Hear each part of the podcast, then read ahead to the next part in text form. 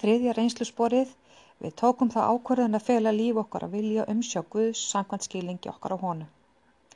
Að stíga þriðja sporið er eins og að opna dyr sem virðast lokaðar og læstar.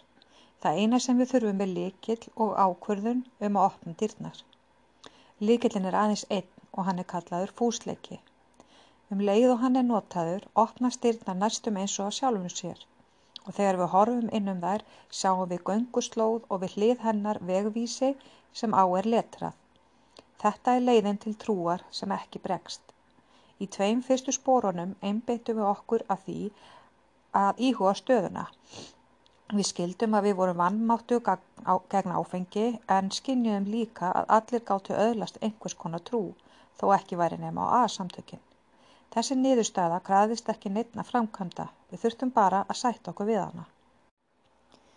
Eins og öll reynslusporin sem á eftir fara krefst þriðja sporið jákvæðra aðgerða, því það er aðeins með því að framkvæma sem við getum losað okkur við sjálfsíkjuna sem hefur æmilega staðið í vegi fyrir því að Guð eða æðri máttur eða líkaða betur kæminni líf okkar.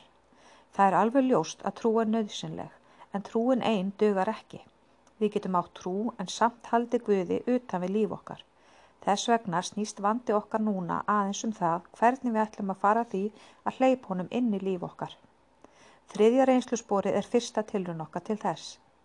Statt að segja fer allur árangur af því að fylgja aðleiðinni eftir því hvað við höfum lagt okkur einlega fram þegar við tókum þá ákvörðun að fela líf okkar og vilja umsjá Guðus samkvæmt skilningi okkar á honum.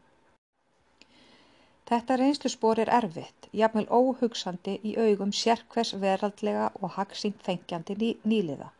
Það er alveg sama hvaðan langar mikið til að reyna þetta, hvernig á hann eiginlega geta falið þessum guði sem hann heldur að sé til, vilja sinn og líf. Til allrar hamingju getum við sem höfum gengið gegnum þetta og haft sömu evasemdir borið vittni um að hver og einn, virkilega hver sem er, getur hafist handa. Við getum einnig bætt við við að, við, að byrjun er allt sem þarf, sama hver smámæðileg hún er. Um leið að við höfum stungið likli fúsleikans í skrána og opna dyrnar, þó ekki sína með örlítið, komumst við að raunum að það má alltaf opna þær svolítið meira. Þótt sjálfsíkjan skelli þeim kannski aftur, sem gerist nokkuð oft, munu dyrnar alltaf opnast á nýjan leik um leið og við tökum aftur fram líkil fúsleikans. Ef til vill hljómar þetta allt jafn undarlega og framandi og afstæðiskenning Einsteins eða kennisetning í kjarneðlisfræði, en það er alls ekki svo. Við skulum skoða hvað þetta er í rauninni hagnýtt. Hver einasta manneskja sem kemur inn í AA-samtökin og ætla sér að vera þar áfram er byrjuð að vinna þriðjasporið þó hún gerir sér það ekki ljóst. Er það ekki rétt að allir þessi karlar og konur hafi ákveðið að láta vilja sinn og líf lúta handleiðslu, vernd og leiðsögn aðsamtakana í öllu sem viðkemur áfengi? Þau eruðu fús til að láta af eigin vilja og eigin hugmyndum um áfengisvandan og þykja þessi stað leiðsögn aðsamtakana. Hver sá nýliðir sem hefur þennan fúsleika er þess fullviss að aðsamtökin séu eina öruga höfnin fyrir sökkvandi lífsleið hans.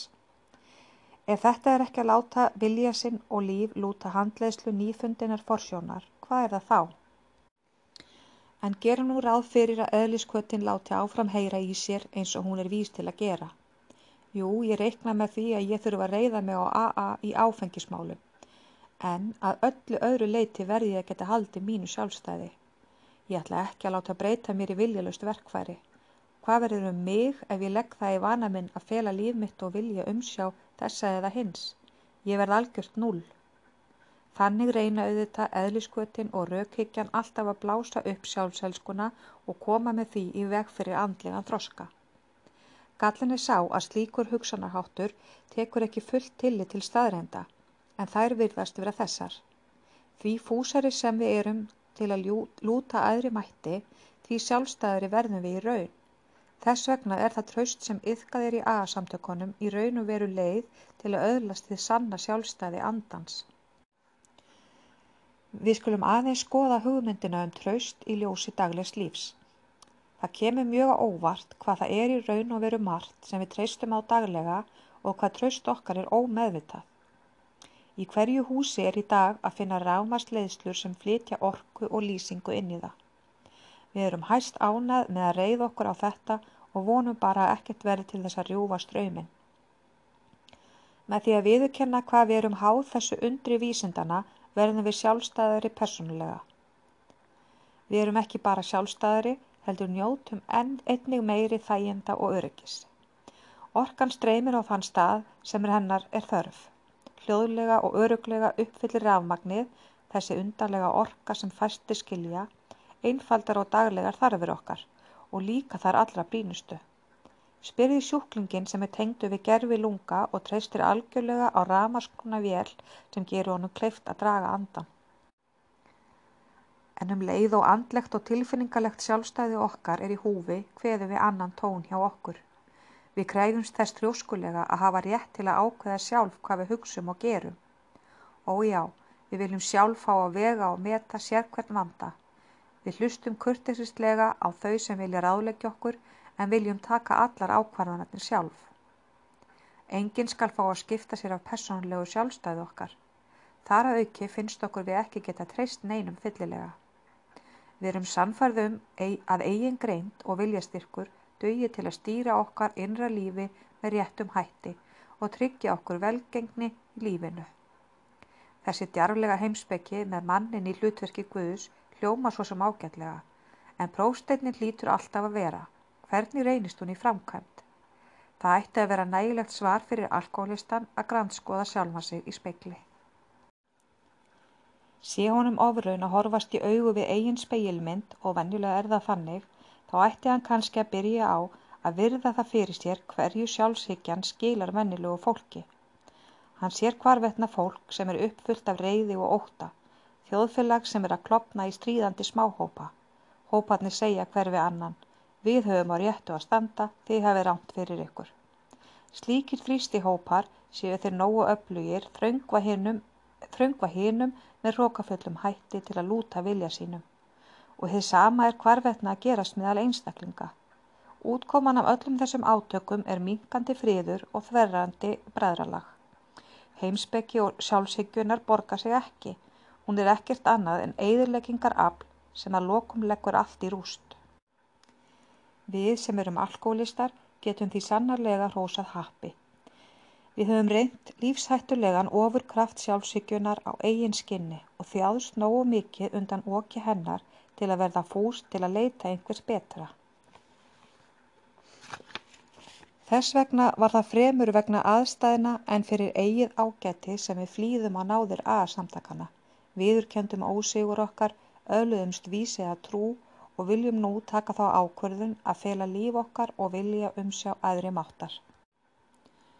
Okkur er ljóst að margir geðleknar og sálfræðingar hafa jafnmikla andúð á hugtakinu að vera háður og alkoholistarnir. En líkt og vinir okkar í þessum stjættum gerum við okkur grein fyrir því að það er hægt að vera háður með margvistlegum hætti og höfum upplifað það sjálf í ýmsum myndum.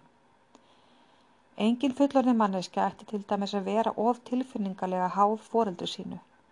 Hún ætti að hafa var, vanið sig af því fyrir löngu og hafi hún ekki gert það, ætti hún að horfast heiklaust í augu við þá staðrend. Það er einmitt þessi ránga tegund af ósálstæði sem hefur leitt margan uppreysnakjarnan alkoholista til að draga þá álygtun að það hljóti að vera óbærilegt að vera yfirleitt nokkur háður en að vera háður A-deildinni eða æðri mætti hefur aldrei haft skaðlegar afleiðingar. Þegar síðari heimsturöldin braust út reyndi í fyrsta skipti verulega á þessa andlegu kenningu. A-menn gengu í herin og dreyðust út um allan heim.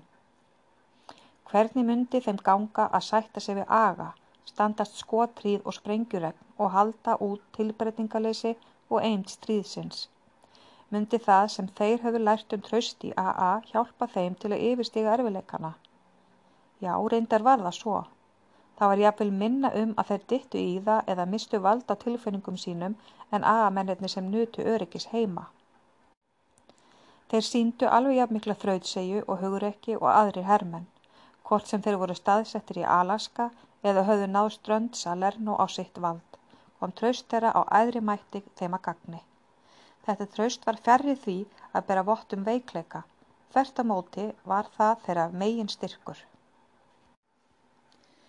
Hvernig getur þá manneskja sem er fús til að fela lífsitt og vilja umsjá aðri máttar haldið áfram að standa við það? Við höfum séð hvernig það byrjaði og hvernig þessi manneskja fór að treysta á að aða fæli í sér lausnina á áfengisvanda hennar.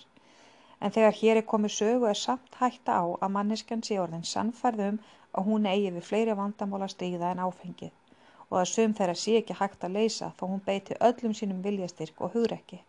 Þeim verður einfallega ekki hakkað þau að valda henni örvendingafullri óhæmingu og ógna þessu nýja allskáða lífi. Þessi vinur okkar þjáist enn af yðrun og sektarkend þegar honum verður hugsað til liðins tíma. Hann er ennþá fullur beiskju þegar hann hugsa til þeirra sem hann öfundar enn eða hatar. Hann hefur sjúklegar áhyggjur af óöryggi fjárhastöðu sinni og verður skelvingu lostinn þegar hann hugsa um allar brýtnar sem hann hefur brenta baki sér meðan hann drakk og hvernig á honum nokkur tíma að geta tekist að greiða úr þeirri hræðilegu flækju sem kostaði hann ástfjölskyldunar og leiti til að, aðskilnaðar frá henni. Hans eigin áræði og viljastyrkur duð ekki til.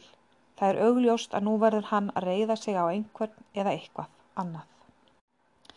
Fyrst í stað er það sennilega nánasti vinur hans í AA sem er þessi einhver.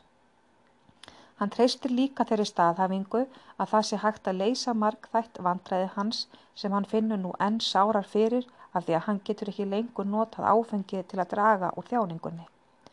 Trúnaða maðurinn bendir þessum vinu okkar að sjálfsögðu á að þótt hann sé ódrykkin geti hann ennþá ekki stjórna eigin lífi. Að hann hafi aðeins stíið allra fyrstu skrefin á aðaleiðinni. Það er vissulega gott að halda sér ódrukknum með því að viðurkenna eigin alkoholisma og fara á nokkra fundi, en það breytir því ekki að enn er langt í varanlegt, ánægilegt og nýðsamt líf án áfengis. Það er einmitt á þessu stígi sem hinn reynslusporin koma til skjálana. Aðeins með því að leggja stöðuga rægt við þau og fylgja þeim í lífi og starfi er hægt að ná hennum langþráða árangri. Þá er komið að því að útskýra að það sé ekki hægt að ná árangri með hinn reynslusporin nema þriðja sporið sé unnið af einurð og þrautsegju. Þessi staðhafing kann að vekja undrun nýliðana sem stöðugt hefur verið brínt fyrir að ástunda lítillæti og eru farnir að sannfarast um að mannlegur vilji megi sín einskils. Þá er komið að því að útskýra að það sé ekki hægt að ná árangri með hinn reynslusporin nema þriðja sporið sé unnið af einurð og þrautsegju. Þessi staðhæfing kann að vekja undrun nýleðana sem stöðugt hefur verið brínt fyrir að ástunda lítillæti og eru færðin að sannfarast um að mannlegur vilju megi sín einskis. Þeir hafa réttilega sannfast um að mörg vandamál auk áfengisvandans geti þeir ekki sigrað með áhlaupi einu síns liðs. En nú kemur í ljós að það eru ákveðnir hlutir sem aðeins einstaklingurinn sjálfur getur framkvæmt. Hann verður sjálfur að þroska með sér fúsleika út frá eigin kringumstæðu. Þegar hann hefur öðlast fúsleikan getur hann eitt tekið þá ákverðun að leggja sig allan fram. Í þeirri viðleitni verður hann að beita sínum eigin vilja. Öll reynslusporin gera þá kröfu að hann leggja sig allan fram við að fylgja meginregnum þeirra og þá um leið Guðs vilja að því er við trúum. Þegar við förum að reyna að laga vilja okkar að vilja Guðs, förum við að beita honum rétt. Það var okkur öllum stórkosleg ofinverun. Öll okkar vandræði stöfuðu af misbeitingu viljans. Við reyndum að ráðast á vandamálinn með viljanum í staðis að reyna að samræma hann vilja Guðs með okkur. Það er tilgangur reynslusborna 12 að gera það stöðugt auðveldara og þriðjasporið opnar leiðina. Um leið og við höfum samþykkt þessar hugmyndir reynist okkur auðvelt að byrja að yrka þriðjasporið. Hvenær sem við komumst í gæsræringu eða verðum ráðvilt getum við staldra við og beðið um hugarró og sagt síðan einfallega. Guð gefið mér æðruleysi til að sætta mig við það sem ég fæ ekki breytt, kjark til að breyta því sem ég get breytt og vit til að greina þar á milli. Verði þinn vilji ekki minn.